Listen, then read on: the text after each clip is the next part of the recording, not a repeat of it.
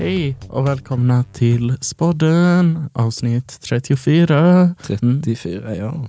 med mig, Vidde Pettersson. Och Axel Sundqvist. Vi kom på att vi hade glömt att säga våra namn ett tag. Ja, nu fick ni en påminnelse om ni glömmer vem som är vem. ja, precis. Och även fast det inte händer idag för er, vad händer idag för oss, Axel? Idag är det Spymf-konserten på mejeriet som vi eh, pratade om i förra avsnittet.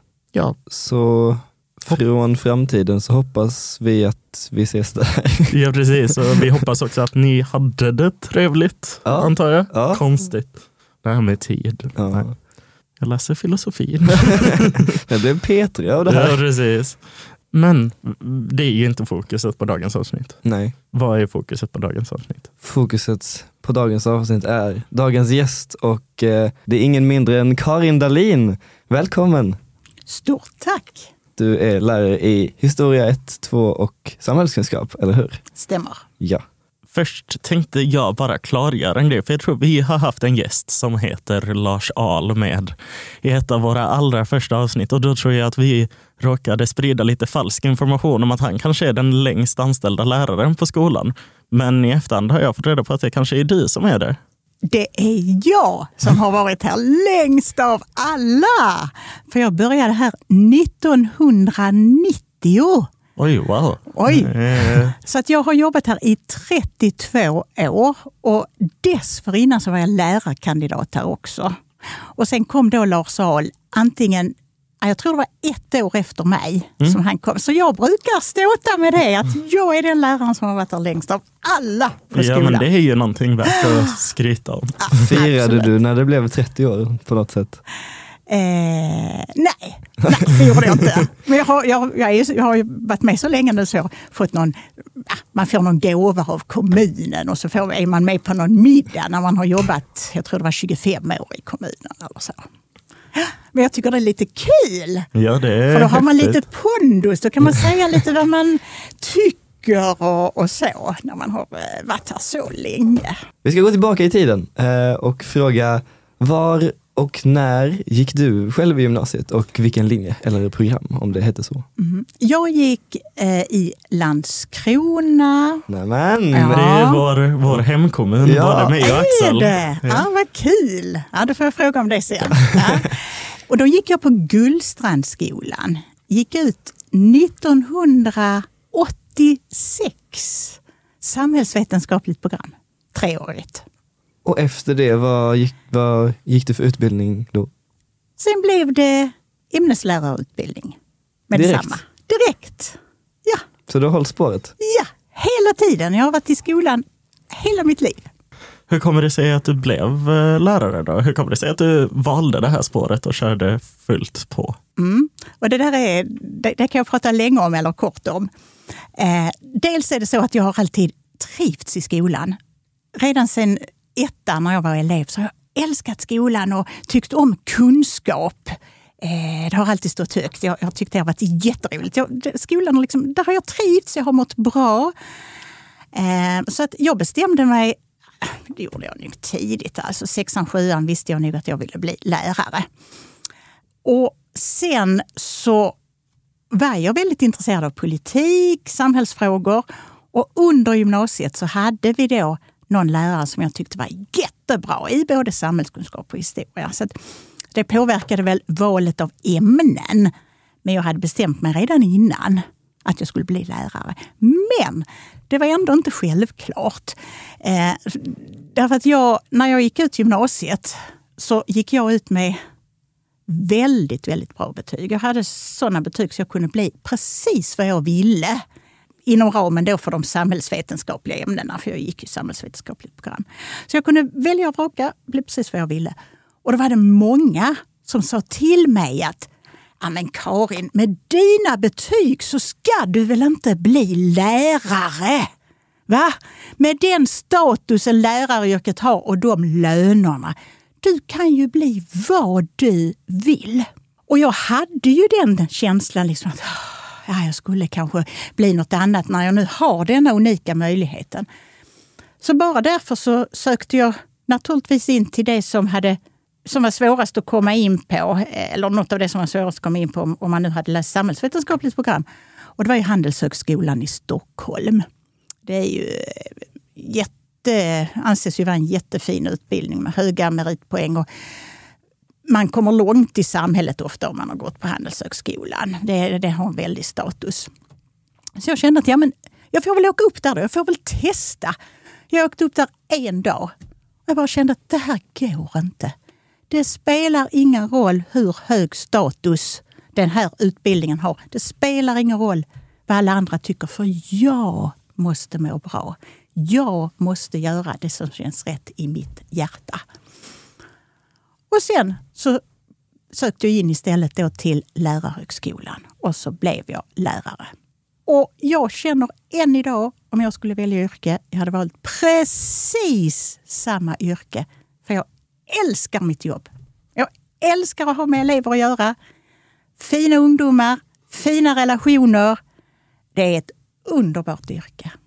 Så trots statusen och att lönerna inte är tipptopp så eh, hade jag valt precis samma idag. Men det var inte självklart alltså om man tittar på vad andra tyckte. Men det är väl lite tips då till alla er som nu ska välja yrke och så. att Man måste känna för det själv. Man kan inte förverkliga andras drömmar om det inte är ens egna drömmar. Sen ska man ju självklart inte vara så, så, gå så långt så att man bara drömmer. Utan man måste ändå välja någon, något yrke där man kan försörja sig. Men eh, man, hjärtat måste vara med, annars mår man inte bra. Annars blir det inte bra. Så det är ett tips till er som tar studenten. Mm. Det, det, märks ju verkligen att du brinner för dina ämnen och för att vara lärare, måste man ju säga. Eh, vilken stad gick du lärarutbildningen i? I Malmö gick jag det pedagogiska året och sen så har jag läst ämnena på Lunds universitet. Okay. Du har varit här i 32 år sa du och hur var spiken när du började här och hur, vad har ändrats? Mm. När jag började här eh, 1990, då så, om vi tittar på, alltså egentligen tycker jag väl att elevsammansättningen, eller eleverna, de är ganska lika. Det som väl har förändrats där är ju att vi har fått det estetiska programmet till exempel. Men annars som helhet så tycker jag att elevunderlaget är sig ganska likt. Däremot har ju lärarkåren till exempel förändrats. När jag kom hit, då var jag en av de få lärarna, jag tror jag var enda läraren som var under 40 år. Då var jag 23 när jag kom hit. Genomsnittsåldern på lärarkåren var 54 år. Så idag har vi en helt annan spridning åldersmässigt på lärarna.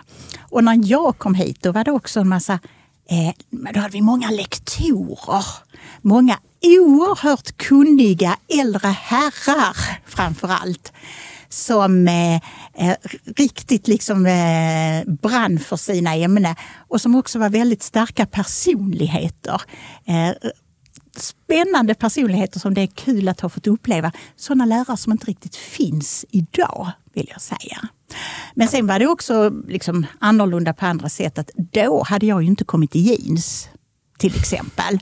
Utan då var det lite, man kände liksom att då, då, då var man klädd lite mer, lite mer strikt. Och, eh, alltså det, det, det, var lite, det, var, det var lite annat. Det var ju, alla andra lärare var äldre och de, de klädde sig inte i jeans till exempel utan lite mer eh, annan klädsel. Och, eh, och jag kommer också ihåg till exempel att lektorerna hade sina stolar i lärarrummet och de satte man sig inte i. Utan det var liksom lektorernas hörna, de som hade lärare som hade doktorerat. De, det var deras hörna. Så det fanns väl lite mer sådana, eh, vad ska man säga, sån, sådana eh, hierarkier, hierarkier ja, yeah. än vad det finns idag. Men det är roligt att ha upplevt. Och och jag trivdes jättebra då också på den tiden. Men, men det har hänt en del, hel del med lärarkåren och sammansättningen av lärare. Vi har ju färre lektorer idag och så. Så där har hänt en del. Och um, Vår nästa fråga är, visst är det så att du är första lärare i historia? Mm. Jag är förstelärare men det är inte knutet egentligen till ämnet historia. Utan eh, det är knutet mer till eh, eh, att jag är väldigt tydlig med strukturerad undervisning, ordning och reda i klassrummet. Den biten var det egentligen som jag eh, blev förstelärare på att sprida mitt, och även att sprida mitt undervisningssätt med tydlighet, struktur liksom utåt och ordning och reda och arbetsro i klassrummet. Där låg grunden från början. Mm. Och sen så nu så har det blommat ut i lite olika projekt. Men, Men vad, vad, innebär positionen första lärare? Ja, alltså första lärare eh, var en, eh, en eh, vad ska vi säga, eh, någonting som kom, jag tror det var 2000, jag kan ha fel, 2011 eller 2013. Eh, för då började man upptäcka att det är brist på lärare i svenska skolor och man har svårt att få lärare att stanna kvar. Och man hade svårt att få personer med höga gymnasie, gymnasiebetyg att vilja bli lärare. Eh, och då sa regeringen då att vi måste göra någonting åt det. Vi måste försöka få, de, få duktiga lärare att stanna kvar i skolan. Och då kom man på det här med förstelärare. Ett, ett antal lärare som då var duktiga i sin profession och som också var beredda att utveckla skolan. De skulle få 5 000 mer i lön. Eh, och, men så skulle de då också få något, något uppdrag där man försökte då liksom att utveckla undervisning och sprida sina kunskaper till andra. Och där var jag då en av de fem första i Lunds kommun som fick detta. Imponerande. Mm. Vilken av alla kurser du undervisar i är din absoluta favoritkurs? De är lika roliga. Ja, det är, alltså, det är helt lika kul. För det jag älskar det är relationen till eleverna. Så det spelar egentligen ingen roll vad jag pratar om, för jag tycker det är lika roligt. Så att jag kan inte säga att jag har någon favorit, utan det är det, är det här planerandet, försöka lägga upp en bra lektion och hela strukturen och känna sig nöjd när man går därifrån och samspelet med er då. Så de är lika roliga tycker jag. Har du något tips på studieteknik för att bli bättre på historia? Oj. Hur, hur blir man bättre? Liksom? Ja, alltså ett, en sak som är, helt, som, som är jätteviktig om man ska bli bra i historia, det är faktiskt att hänga med i i nyhetsbevakning, det som händer varje dag. För redan det som hände igår, det är ju redan nu historia. Så att, att ha ett allmänintresse för samhällsutvecklingen. För allting som sker blir ju historia så småningom. Så det är väl en sak att alltid eh, liksom, att lyssna på nyheter, lyssna på poddar och, och ha ett allmänt samhällsintresse lyssnar man mycket så, så, blir man också allmänt duktig på att liksom kunna se likheter, skillnader, dra slutsatser och man har ett stort samhällsintresse. Det är väl en sak man kan tänka sig, ja. tänka på. Nästa fråga som är den sista av de som vi har skrivit är att till Walter så eh, frågade vi om han hade något historieskämt. Eh, det var egentligen en fråga som eh, Joakim, eh, annan historielärare, eh, ville ha med. Eh, har du något eh, historieskämt? Nej, jag har nog inget historieskämt. Men jag, jag kan väl ta, få lov att ta ett matteskämt istället. Ja, visst, det går lika bra. jag har inget direkt historieskämt jag kan, kan komma på, men, men eh, jag, jag har ett som jag tycker är lite roligt. Jo, det är så här att om man har en elev som kanske sitter med jackan på så frågar man då Fryser du? Och så säger eleven, ja, här är jättekallt. Då kan man säga så här. Ja, men gå då och ställ dig i hörnet, för där är det alltid 90 grader. Skulle kunna sätta på en sån klapp-ljudeffekt. Ja, eller en sån där berömts... Eller förlåt, det är väl 90 ja. Jo, visst ja, är det det. Ja, för där är det alltid 90 grader. Så ställ dig i hörnet, där är det alltid 90 grader. Det är väl ett litet matteskämt kanske, som jag sa till någon mattelärare att de kunde använda sig av. Mm. Ja. Men då så går vi över till Instagram-frågorna mm. vi har fått in av eleverna här på skolan. De hörs farliga. Den första är faktiskt inte ens en fråga utan det är bara en hälsning. Och hälsningen lyder SA19D hälsar att de saknar dig väldigt mycket. Åh, vad glad jag blir. Nej, jag, det är synd att, de, alltså, synd att jag inte har dem, men, men vad fint sagt av dem. Jag blir jätteglad. Tackar. Jag, jag hälsar och tackar för er fina, fina hälsning.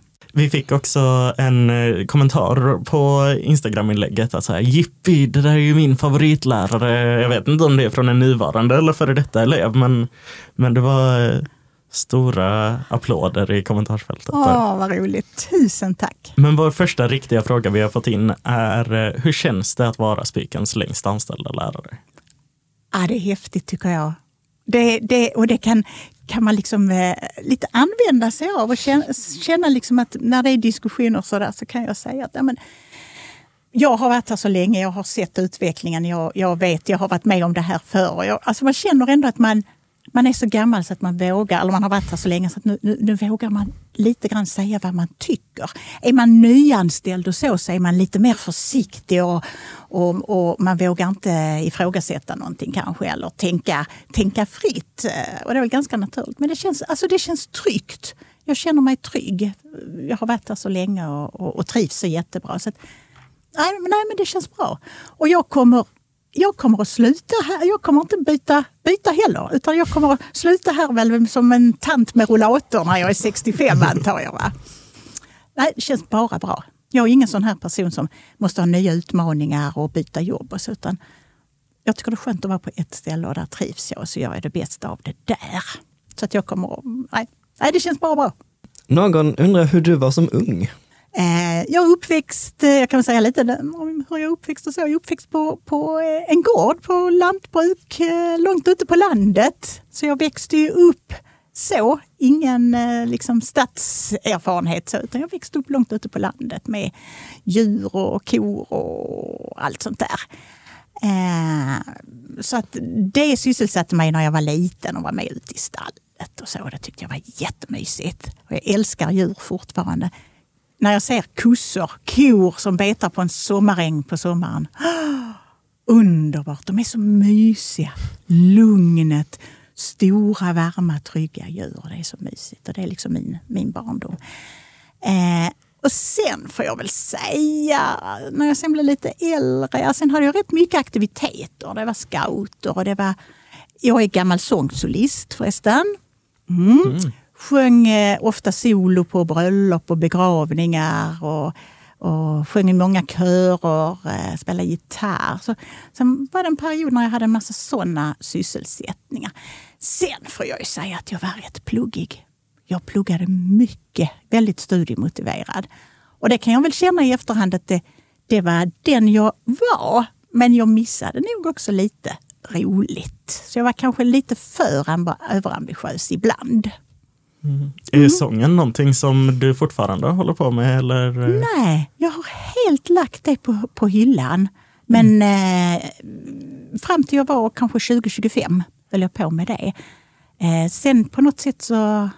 Ja, sen har jag fått barn och sen så Ja, jag känt att det, det, var den tiden då. Men jag älskar ju musik och jag är musikalisk så man, man har ju nytta av det på olika sätt ändå. Och jag har nytta av det i undervisningen, att man tar in musik där. Och, så det finns ju med mig. Men jag sjunger inte i körer eller eh, solo eller så. Det, det är länge sedan nu. Vi har fått en fråga från en klass gissar jag, mm. eh, eller någon i denna klassen. Och den är, vad tycker du om HU22 och att du inte ska fortsätta ha dem i någon kurs? Det tycker jag är tråkigt. Jag tycker det är synd. Jag tycker det är synd för elevernas skull. För det är aldrig bra att byta lärare mitt i en kurs. Och jag tycker det är synd om mig därför att det är en jättefin klass. De är så rediga, fina, trevliga, duktiga, ordning och reda. Jag trivs så bra med dem. Så att det är väldigt synd. Samtidigt så har jag förståelse för att det blir så. Det är en tjänstefördelningsfråga.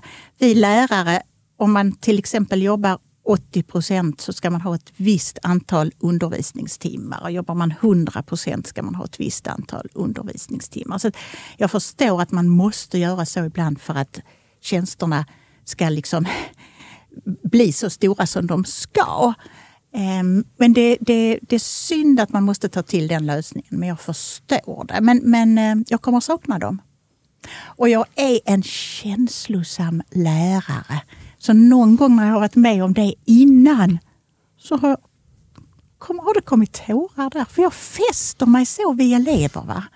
Så att det, det kommer nog att kännas lite den där sista lektionen. Så det, det, är jättesynd. Men det är så och jag tror och jag hoppas att och vet att de får en bra lärare sen. Efter mig. Vår nästa fråga vi har fått in är eh, inom ämnet historia. Vad är det mest intressanta du får läsa, äh, lära ut, tycker du? Mm.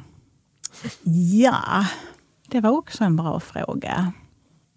Ja, jag, jag, är egentligen intresserad av allting, men jag är, li, jag är mer intresserad av vad ska man säga, människoöden än att kanske läsa om krigs, krigslag. Hur många som dog här och hur många som dog där. När man kan knyta historia till enskilda individers liv och levnad. Det får mig väl, mig väl eh, riktigt att, att eh, gå igång. Det tycker jag är allra mest spännande. Alltså, mer hur människor har levt, hur människors liv har sett ut, än att läsa krigshistoria om jag får välja. Och ja, den här har vi kanske pratat om innan och fått svar på, men eh, någon undrar vad du tycker är det bästa med ditt jobb? Det är två saker. Det är undervisningen kopplat till eleverna och relationen med eleverna. Ni som lyssnar, eller alla som lyssnar, missar ju det att varje gång du nämnt eleverna har du pekat på oss. Man känner sig eh, så, så uppskattad här i studion. Um, vår nästa fråga vi har fått in är uh, om du har någon dold talang? Oj, någon dold talang? Hmm. Är det kanske sången där? Som... Ja, men det är det nog. Det är nog egentligen att jag är gammal sångare. Men det blir inget prov på det här idag. ja, okej, okay, det blir inte det. Nej, det blir inte det. Men det är nog det i så fall, tror jag. Äh, där hade jag nog fått tänka efter lite, tror jag. jag hinner, innan jag hinner. Mm, det är lite snabbt. Ja, det får nog vara det rent spontant. Denna behöver ju lite eh, backstory till den här mm. frågan, kanske speciellt om man inte har lyssnat på podden så mycket innan. Vi har en eh, vana att varje gång vi har en lärargäst så är det någon som skickar in den här frågan på våra Instagram-frågor. Nu tror jag till och med det var två som skickade in den. Faktiskt. Ja, det var det. Eh, och frågan är, vad är din absolut sjukaste festhistoria? Sjukaste festhistoria? Oj, Typ galnaste? Galnaste? Hmm, vad ska det vara? Måste det vara galnaste? Kan jag, kan jag ta den, den viktigaste festhistorien för mig istället? Det får ja. du jättegärna. Vinklade ja. på ett annat håll. Ja. Alltså den, den fest som har betytt mest för mig i hela mitt liv, eh, det var när jag hade träffat Anders som sen kom att bli min man. Och vi hade träffats några gånger.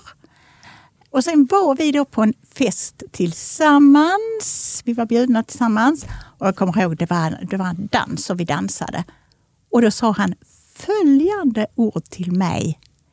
Jag vill leva mitt liv med dig, Karin. Ja, vad fint. Ja. Jättefint. Mm. Så det var väl det, det, liksom det, det viktigaste, finaste festminnet jag har varit med dem. Sen har jag varit rätt så skötsam på fester och så, så jag har liksom inget, inget eh, sådär eh, spännande åt andra hållet att berätta så tror jag. Här är någon som har frågat en fråga som, som jag eh, förstår helt. Jag vet inte om du jag förstår, förstår Jag förstår den inte alls. Därför tänkte jag att du borde ställa ja, den här. Eh, det är då någon som undrar om du börjar varje första lektion på eh, en kurs, eller ja, kanske specifikt historia 2, med eh, historien om eh, bonden som hittade någonting på sin åker. Mm. Stämmer. Du gör det? Ja, det gör jag. Om, äh, äh, inte bonden som hittade, ja, det... men om ett, äh, ett stridsflygplan under andra världskriget som nödlandade, som var äh, skadeskjutet och som landade på en åker utanför Svalöv. En sann historia börjar jag med eh, allra första, de första orden jag säger innan jag har presenterat mig och så. För där vill jag liksom, ah, jag vill visa att här, här, jag är lite annorlunda. Här, här liksom, det är inte det där hej, jag heter Karin. det ska bli roligt att ha er ett år, utan jag liksom börjar med historia och sen så presenterar jag mig. Så det stämmer faktiskt. Mm. Jag, jag kommer ihåg att vi satt där och funderade på, var tar det här vägen? Var ska det sluta? Vad är det? det här var ju spännande. Liksom. Det, var, det, var, det var ju något annorlunda som du säger. Eh, och sen kommer vi till en fråga som jag inte förstår. Och Nej, inte jag heller. verkar vara något internt som, ja, någon diskussion någon gång. Vi, vi testar att ställa den. Eh, har du hittat en ny efterrätt nu? Frågar någon. Hmm. Kan vi se? Det, det vet jag inte vad den frågan heter, handlar om. En ny efter... Ah! Nu förstår jag kanske. Kanske jag förstår. Ibland, jag skriver ju alltid äh, i början på varje lektion, kanske det kan handla om det. I början på varje lektion så skriver jag alltid på tavlan vad det är vi ska göra under lektionen. Och då skriver jag till exempel ett, först skriver jag då liksom lektion i historia 12.00 till 13.30 och så skriver jag då kanske ett allmän information. Två, katedergenomgång. Tre, arbeta i läroboken. Och ibland säger jag då att som förrätt, här, trerättersmeny idag, som förrätt så har vi då allmän information. Huvudrätten, det vi sysslar längst med, det blir att ni, vi har en genomgång. Och som efterrätt så kommer här då eh, att ni får eh, läsa lite i er lärobok, instuderingsuppgifter. Kanske skulle det kunna vara det de syftar på. Att jag ibland säger så att det är en trerättersmeny med tre punkter idag. Kanske, jag vet inte. Men nej, jag har inget bra förslag på... Men jag försöker variera lektionerna. Det är viktigt. Så att det, den där tredje, om det nu är det de menar med efterrätt, den, den är olika. Den är aldrig samma. Utan det skiljer lite från gång till gång. Men då tror jag tyvärr att vi har kommit till avsnittets sista fråga här faktiskt. Den frågan är eh, någon som undrar om du kan säga Napoleon Bonaparte för att de saknar det. Napoleon Bonaparte. Där fick vi, Ja, fick vi det. Jag tror bara de ville höra det igen. Ja, någon det- som har haft det i historien någon gång som saknade Okej. det, säga de orden. Ah, vad kul. Ah, vad kul. men eh, Och jag tänker att med dem, med, med Napoleon så avslutar vi dagens avsnitt. mm, tack så mycket för att du ville komma hit på så kort eh, varsel. Tusen tack. Det var lite nervöst. Jag visste inte vad det var för frågor som eh, eh, skulle komma. Men det har varit jätteroligt. Spännande att uppleva med teknik och allting. Så tack själv. Och med det så tackar vi för oss och säger att eh, ni som lyssnar får gärna följa oss på Instagram på spodden.podcast och ni får också mejla oss på spodden.spiken gmail.com. Och tack för att ni lyssnade.